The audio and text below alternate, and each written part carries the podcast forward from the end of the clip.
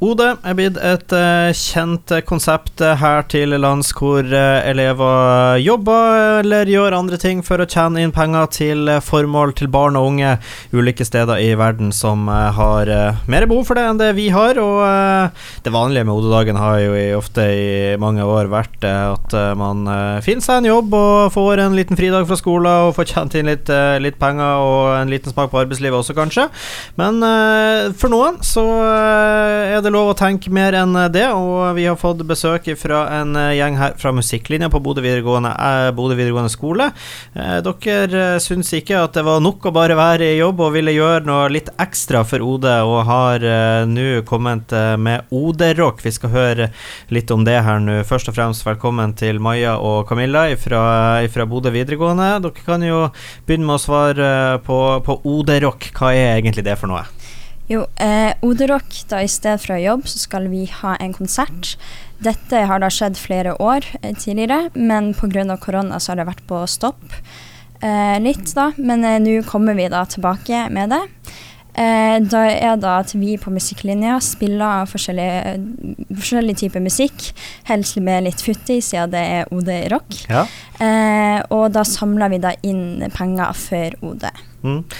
Hvor artig er det å, å, få arrangere ting sånn som det her, da, og ikke, ikke bare være på skolen, men faktisk få, få lage et arrangement og gjennomføre det? Eh, det er jo veldig gøy, og så får man jo møte mange nye folk, og man får jo den opplevelsen. Samtidig så er det jo gøy for andre folk også, siden jeg får en opplevelse, en konsertopplevelse, der de får kommet og sett på og hørt masse bra musikk, samtidig som vi samla inn penger til en god sak. Da. Ja, Jeg likte det du sa, Maja, med at det er litt sånn ekstra rocka. Kan du fortelle litt om, eh, om hva, er det, hva er det mer man får med seg på, på OD-rocken her? Eh, det er musikk som du er inne på. Eh, kan du fortelle hva det som skjer denne kvelden torsdag 9. mars i Svømmehallen?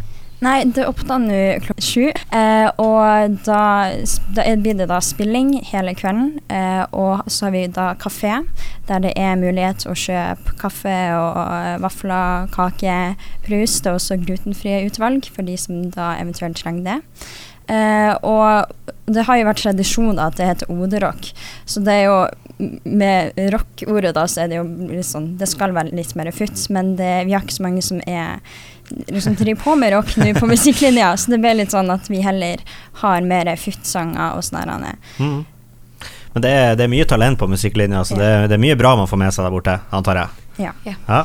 Eh, det OD som jeg var inne på innledningsvis her, er jo et eh, ganske så kjent konsept i, i, landet her. Men eh, det er jo forskjellig hvert eneste år hva det er pengene og formålene er. Hva er det det her er jo en liten etterslepp av, av fjorårets eh, OD.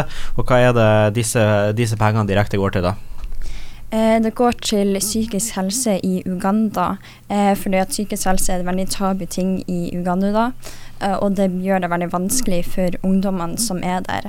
Eh, så da har de som har vært på ETE, da, Elevtinget, vært med og da eh, fått fram dette temaet for 2022. Eh, som vi da har nå. eh, og det settes jo også opp med FNs tredje bærekraftmål, der det handler om hvordan liksom livs, livsnivå liksom, Hvordan man har det. ja, jeg skjønner. Eh, jeg syns åpenbart du har gjort det veldig bra.